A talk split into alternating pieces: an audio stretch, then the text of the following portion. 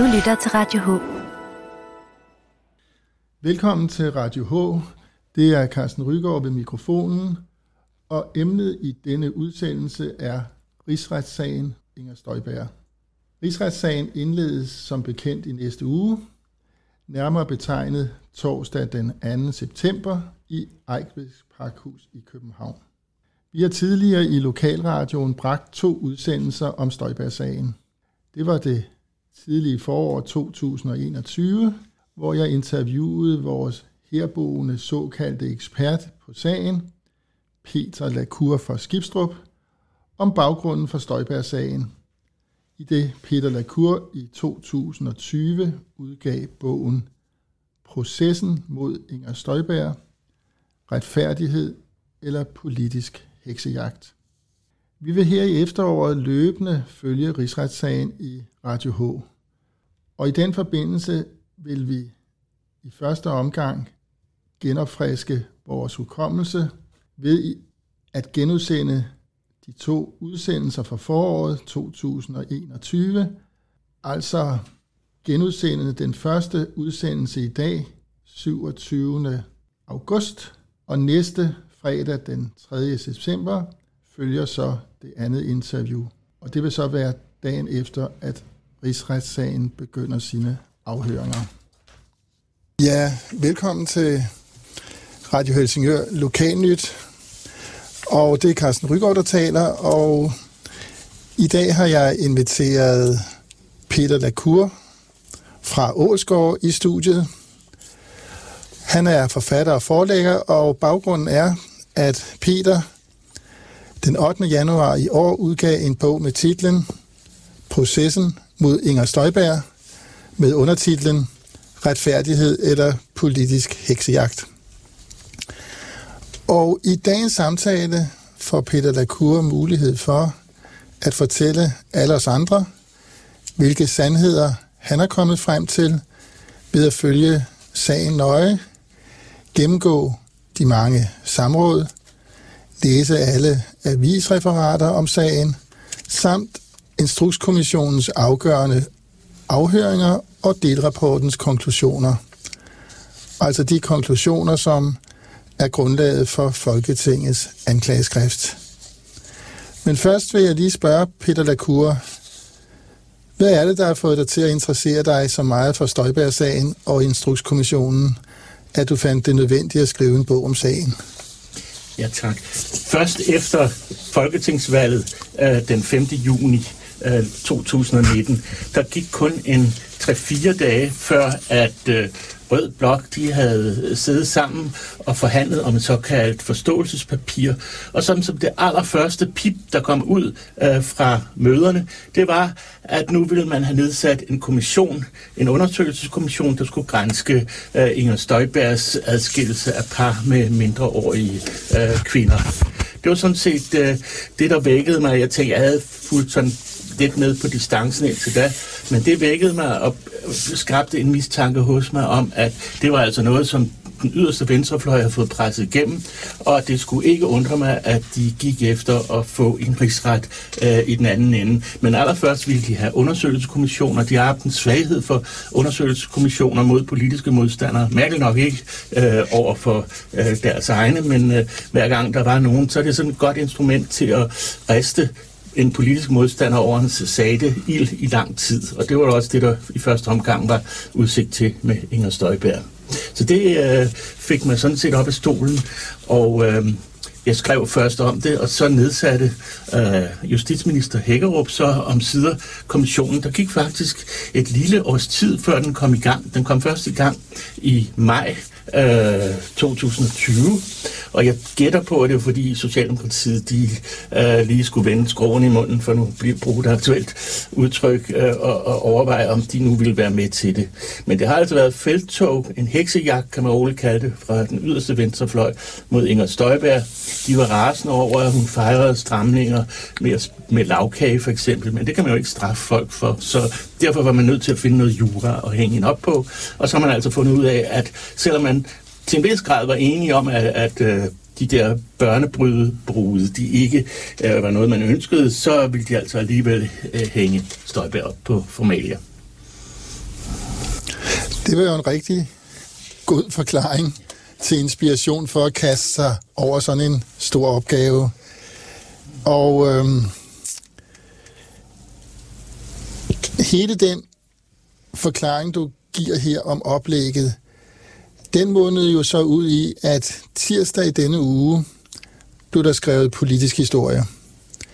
I det et flertal af Folketingets medlemmer stemte for, at der rejses en rigsretssag mod Inger Støjberg, der ifølge anklageskriftet som udlændingeminister uden en individuel sagsbehandling fik adskilt par i de danske asylcentre, hvor piger ned til 15-årsalderen mere eller mindre tvunget levede sammen med voksne ældre mænd i ofte arrangerede ægteskaber. Og som en skærpende omstændighed, at Inger Støjberg efterfølgende misinformerede Folketinget om dette. Det gav jo anledning til, at vi alle sammen det seneste stykke tid er blevet bekendt med nogle væsentlige elementer i hele den her sag. Og en af dem, det er pressemeddelelsen af 10. februar, og en anden er ministernotatet af 9. februar. Hvis vi lige sådan skal tage dem en af gangen, så kunne vi jo begynde med Inger Støjbergs pressemeddelelse af 10. februar 2016, som var blevet en helt afgørende central begivenhed. Peter, kan du fortælle, hvorfor det? Ja, der skete jo det, at den daværende departementchef Uffe Togdal Petersen, som han hedder, øh, han sagde til Inger Støjberg, du skal vide, at vi vil administrere det er lovligt, fordi hun gik stærkt i pressen for, at der ikke skulle gøres undtagelser, og lige præcis det ville gøre administrationen ulovlig, hvis man, gjorde, hvis man ikke gjorde undtagelser i adskillelser af parerne, og hvis man ikke lavede en individuel sagsbehandling. Så derfor tog Tagdal, han fik skrevet et ministernotat, hvor der stod, at man skulle gøre undtagelser, og der kunne, øh, hvad hedder det, øh, ske, eller der skulle ske øh, individuel sagsbehandling. Det endte faktisk med, at 6 af, par, øh, 6 af de 23 par aldrig blev adskilt, øh, som der var tale om. Så øh, på den måde, så gjorde man undtagelser, man forvaltede lovligt. Det er simpelthen usandt, når der står i anklageskriftet, at hun... Øh, administreret ulovligt.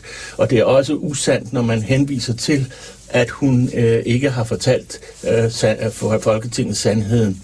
Så øh, der bliver nogle knaster der, som der skal bores i for, for Inger Støjbergs kommende forsvar ved rigsretten.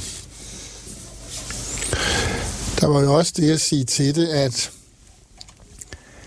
minister eller pressemeddelelsen fra den 10. februar, det er jo en pressemeddelelse og ikke en instruks. Så lidt paradoxalt hedder kommissionen en instrukskommission, fordi det er ligesom blevet mantraet, men i virkeligheden er det jo en pressemeddelelse og et ministernotat, som er de korrekte papirer i sagen. Og øh, når pressemeddelelsen trods alt udsendes ikke af ministeren, men af udlændingeministeriet, så må man jo formode, at departementchefen og andre dygtige folk derinde har sagt god for den, for ellers så kommer sådan noget jo ikke ud til offentligheden, når man kender til forretningsgangene i et ministerium, hvor et hvert papir, der har politisk, kan man sige, mening, cirkulerer op og ned i flere omgange, således at hver en stavefejl, komma plus indhold er vurderet øh, af flere personer, så der ikke kan ske misforståelse. Men i den forbindelse må du også fortælle os lidt om de vidneudsagn, der har været i forbindelse med pressemeddelelsen, og hvordan pressemeddelelsen blev opfattet. Ja, pressemeddelelsen blev opfattet som en instruks, øh, ikke mindst af de to ledende medarbejdere dengang. Den afgående direktør for Udlændingsstyrelsen, Henrik Grundet, og øh, hans souschef, vicedirektør Lene Linnea Vejrum. Det var de to, der sådan set bærer anklagerne nu, mod, øh, dem, de anklager, der fremføres nu, øh, med deres vidneudsagn. Henrik Grundet svarede helt klart ja, da kommissionsformanden spurgte ham, om, om udlændingsstyrelsen så havde administreret ulovligt. Bagefter trak Grundet så tæppet væk under sin egen forklaring ved at sige, ja, vi, vi gjorde nogle, nogle undtagelser med det samme, og vi holdt øh, par med børn udenfor, og vi så på hver enkelt par. Så på den måde var han faktisk inde at sige, at man fulgte den lovlige procedure. Øh, Lene Linnea Vejrum påstår, at hun blev ringet op øh, fra øh, Udlændingeministeriet af en afdelingschef, som hedder Line øh, Skytte Mørk Hansen, og fik en lodret ordre om at administrere i henhold til pressemeddelelsen, det vil sige ingen undtagelser og ingen individuel behandling. Men det har Line, Linnea øh, Skytte Mørk Hansen, undskyld, har Lene Skytte Mørk Hansen pure afvist. Uh, hun sagde tværtimod, at hun gjorde opmærksom på, at der kunne gøres undtagelser, og at der skulle gøres noget andet end det, der stod i pressemeddelelsen. Og så læste hun i øvrigt ministernotatet fra den 9. februar, altså dagen før pressemeddelelsen, som Inger Støjberg havde tiltrådt. Det, det læste hun op for Line Vejrum, og øh, heraf fremgik det jo altså, at der skulle være øh, undtagelser. Mærkeligt nok, så lægger øh, Instrukskommissionen overhovedet ikke vægt på øh, den forklaring. Den er fuldstændig tilsidesat, og det gælder faktisk også departementchefens forklaring, det gælder Inger Støjbergs forklaring, og det gælder flere andre ledende medarbejdere, som man fuldstændig har tilsidesat. Men man tror altså på de to her, som, øh, hvad hedder det, jeg vil sige, øh, vis troværdighed. Jeg vil tillade mig, først nu må sige det pænt, at sætte spørgsmålstegn ved. Ja, det gør du vel, fordi at hvis de ikke siger det, de gør, ja, så er de jo solgt til Stanglerkris. Mm. Men nu når man taler om, at de har opfattet pressemeddelelsen som en instruks, så må vi jo sige, at den problemstilling er jo blevet aktuel her under minkkrisen og coronakrisen. Fordi den har jo været præget af den ene pressekonference efter den anden, og også pressemeddelelser, som jo så også skulle være instrukser, selvom det efterfølgende er jo blevet sagt, at det kun kunne være anbefalinger. Og det fik så, det kan du fortælle lidt om, det fik så justitsministeren til at, værsgo. Udsende en, en, øh, en notits, hed det, øh, om visse retslige forhold, og i den stod der blandt andet af udmeldinger på pressemøder øh, og udmeldinger til pressen i det hele taget, øh, er ikke at opfatte som forvaltningsakter. Det er ikke retslige instrukser til forvaltningen om at forvalte på en bestemt måde. Og det er bare en anden måde at sige på, at Inger Støjbergs pressemeddelelse var ikke instru- en instruks, sådan opfattede hun den heller ikke. Og selv Holger K. Nielsen har under en af, fra SF har under en af, et af samrådene sagt, at det er altså meget usædvanligt, at man opfatter en presse pressemeddelelse som en instruks. Så det er ikke kun, øh, altså det er ikke kun Nick Hækkerups øh, jurister, topjurister, jo the cream of the cream, de, de, de, dem, der burde vide allermest om det, også mere end Instrukskommissionens jurister for den sags skyld. Nu er alle topmændene inde i ministerierne meget veluddannede, og mange af dem er jo også jurister. Og øh, der er jo sådan en, kan man sige, generel ordre om, at man må jo ikke følge en ministers anvisninger eller instrukser, hvis de måtte være ulovlige. Og hvis de alligevel bliver bedt om det, så skal de gå til deres leder, deres chef i det pågældende ministerium. Og den chef, som jo ofte vil være departementchefen, han er så pligtig til at informere statsministerens departementschef om, at der er en situation, hvor personalet føler, at de bliver tvunget til at gøre noget, der ikke er lovhjemmel for. Det er ikke sket i den her sag. Der er altså ingen af de embedsfolk, som siger, at de er blevet bedt om at gøre noget ulovligt, som har sagt, det vil vi ikke, og så klaget op i systemet. Nej, det er der ikke, og det er det sjove ved det, er hende, øh, souschefen i Udlændingsstyrelsen, øh, Lene Linnea Vejrum, hun øh, fremlagde et notat, et lille personligt håndskrevet notat, hun havde lavet om den samtale, hun havde haft øh, med Line øh, Skyttemørk Hansen, der, hvor hun skulle have fået ordre til at administrere uden undtagelse. Der er bare det interessante ved det, at det der lille håndskrevne notat, det var først nedskrevet 17 uger efter at samtalen fandt sted. Og det var nogenlunde på det tidspunkt, hvor ombudsmanden gik ind i sagen, fordi der var nogen, der havde klaget over deres adskillelse. Så det var der, hvor der var begyndt at opstå diskussion om, hvorvidt det var lovligt. Først da laver hende der, uh, Lene Linnea Vejrum, sit lille notat der. Men det har Instrukskommissionen alligevel tillagt stor vægt, og det er måske derfor, at man, man tror på hende, og man tror ikke på den anden. Og hvilket er fuldstændig øh, øh, uh, uh, uunderbygget. Sådan et notat, er det et officielt aktstykke, der er registreret og journaliseret? Ja, og det blev lagt ind i øh, øh Udlændingeministeriets øh, sagsbehandlingssystem. Og så oplever vi altså det paradoks, at øh, det ikke automatisk når frem til de relevante sagsbehandlere i Udlændingsstyrelsen.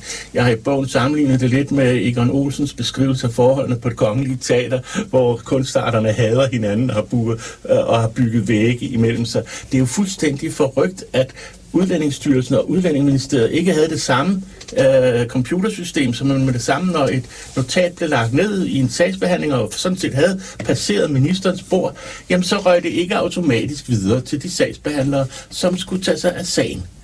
Det er jo fuldstændig forrygt. Ja, det må man sige. Men fristes til at sige, I hvor er det kommunalt, ikke? Ja. Det er en forbindelse. Men man kan jo slå fast, at der altså er forskellige udlægninger af, hvad den pressemeddelelse betød. Men på bundlinjen har der jo også været det udsagn for Støjberg, at hun har ikke beordret nogen til at handle mod loven. Præcis. Og der har hun vel en pointe, fordi ingen af alle de vidner, der er blevet afhørt, har jo sagt, at hun har været inde og give dem en ordre. Så det hele ligger jo i papirgangene.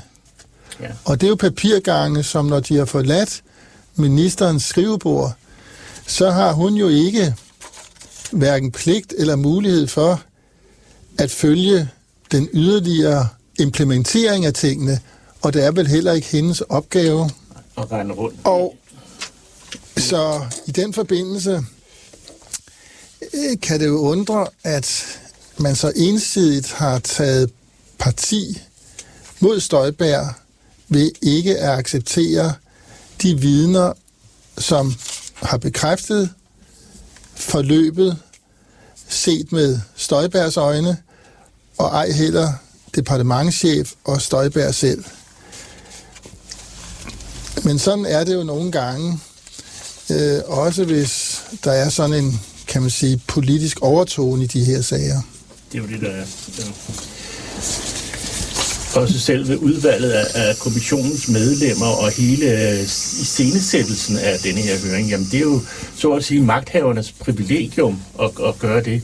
Og det er derfor, man har oplevet denne her nærmest fjendske stemning over for Inger Støjberg under afhøringerne, og altså hele 10 klagepunkter kom hendes juridiske bisider med, og det fejrede man bare af bordet og gad slet ikke at høre på. Og Folketinget har åbenbart heller ikke øh, øh taget noter om de de ting, som, og den useriøse behandling, som der er foregået undervejs i øh, Instrukskommissionen. Nej, men det er jo tit, fordi øh, det politiske niveau vil holde en form for armslængde, når der sidder en kommission. Og derfor så er der jo ingen, der kommenterer de forhold, som afspiller sig i forhørslokalet. Vi har jo talt meget om pressemeddelelsen og var kort inde på ministernotatet, som jo kom aftenen før pressemeddelelsen. Og et ministernotat, det er jo sædvanligvis noget, der er vigtigere end en pressemeddelelse.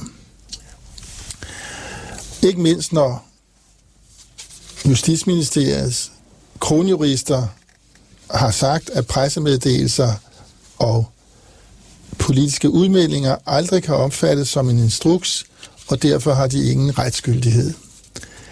Så det ministernotat, som sådan set blev sendt ud fra ministeriet ved departementchefen, det indeholdt altså oplysninger om, at disse ægtepar i asylcentrene, hvor en af dem var mindreårig, de skulle have en individuel behandling, og der skulle kunne gøres undtagelser. Når det bliver sendt ud efter godkendelse, tiltrædelse af ministeren, ja, så lever det jo sit liv nede i systemerne og i departementer og hvor de ellers skal hen. Og det er jo ikke noget, ministeren følger med i. Så det kan jo godt undre en lidt, at, at man kan slippe godt fra at sige, at det har man ikke set, og det har man ikke læst, at det så skal falde tilbage på Inger Støjberg. Hvad mener du om det? Jeg mener, at det, jeg er fuldstændig enig, men jeg mener, at Inger Støjberg begik en, en fodfejl.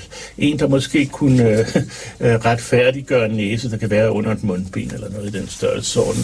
Hun begik den fodfart, fodfejl, at hun ikke oplyste til Folketinget øh, om eksistensen af det pågældende ministernotat fra den 9. februar. Det gjorde hun faktisk ikke, før Instrukskommissionen gik i gang med sit arbejde. Men øh, det havde hun sin særlige grunde til. Hun blev åndet i nakken, både af Socialdemokratiet og af Dansk Folkeparti, der, der ville have, at hun skulle handle, og det skulle have kraftig effekt osv. Så, videre. så i en lille måneds tid, mere drejer det sig ikke om, eller en stor måneds tid, fem uger vil jeg sige, der oplyste hun ikke at der øh, faktisk blev gjort undtagelser. Men allerede i marts måned 2016, der oplyste hun, at der blev gjort undtagelser. Men ministernotatet, det kom så først for dagens lys senere, og så påstod pressen, at hun hævde en kanin op af hatten. Det er simpelthen lodret løgn. Der skete det, at øh, øh, departementchefen Uffe Tavdal, han, da han blev afhørt en 4-5 dage før øh, Inger Støjberg, fortalte om ministernotatet, og fortalte om, at det havde gjort ham tryg ved situationen, at hun havde tiltrådt det der ministernotat. Og så blev så Inger Støjberg afhørt fem dage senere, og henviste naturligvis også til ministernotatet. Men så skrev hele den samlede presse, næsten som om der var tale om en koordineret aktion, at hun hæv en øh, kanin op af hatten med, ved at henvise til det der ministernotat. Øh, det, det, det smager lidt af en koordineret øh, aktion, eller ledet presseaktion, der leder tankerne, for mit vedkommende leder de tankerne hen på den censurerede tjekkiske presse under Slansky-processerne, de uhyggelige skueprocesser, der fandt sted i Østeuropa under den kolde krig. Ja, for det her ministernotat, det forlød jo også ikke var kommet ombudsmanden til, til gode. Og derfor var det ikke indgået i hans, kan man sige, vurdering af Støjbær-sagen, som jo mundede ud i en kritik. Ja, og det er en lodret usandhed, for ombudsmanden han fik allerede ministernotatet øh, i øh, marts-april 2016, altså en måneds tid eller to øh, efter hele sagen startede, fik han det allerede. Men øh, han må have gemt det godt væk, for han har overhovedet ikke lagt det til grund for sin øh, redegørelse, som ellers kunne have gået på to ben, nemlig ministernotatet og øh, pressemeddelelsen, og hvor han så havde været nødt til at lave en mere øh, nuanceret rapport, end den han faktisk lavede, hvor øh, det fremgik, at øh, det kun var, var øh, pressemeddelelsen og, og ulovlig administration. Der lige var lidt, lidt det, der hedder støj på linjen. Ja, det, tror... det viser sig, at øh, det næste program her, Radio Helsingør Lokal Nyt, øh, alligevel kommer på så derfor den besked, jeg havde fået, at vi havde 20 minutter ekstra, den er nu tilbagekaldt. Så vi bliver desværre nødt til at øh, afbryde her midt i det hele. Men øh, som et plaster på såret, kan jeg sige til jer lytter, at øh, vi har samtidig fået besked om, at vi har mulighed for at fortsætte næste fredag og gøre denne her sag færdig, for der er også andre perspektiver i sagen, som vi ikke har nået i dag. Så vi siger tak for nu, og på gensyn næste fredag. Ja, det var så første del af interviewet med Peter Lacour. om rigsretssagen mod Inger Støjberg. Anden del kommer næste fredag den 3. september, og jeg skal også lige huske at sige, at hvis man ønsker at læse Peter Lacours bog om processen mod Inger Støjberg, retfærdighed eller politisk heksejagt, så kan den købes i boghandlen. Og hermed siger Carsten Rygaard tak for i dag, og på gensyn den, eller genhør den 3. september. Tak for i dag.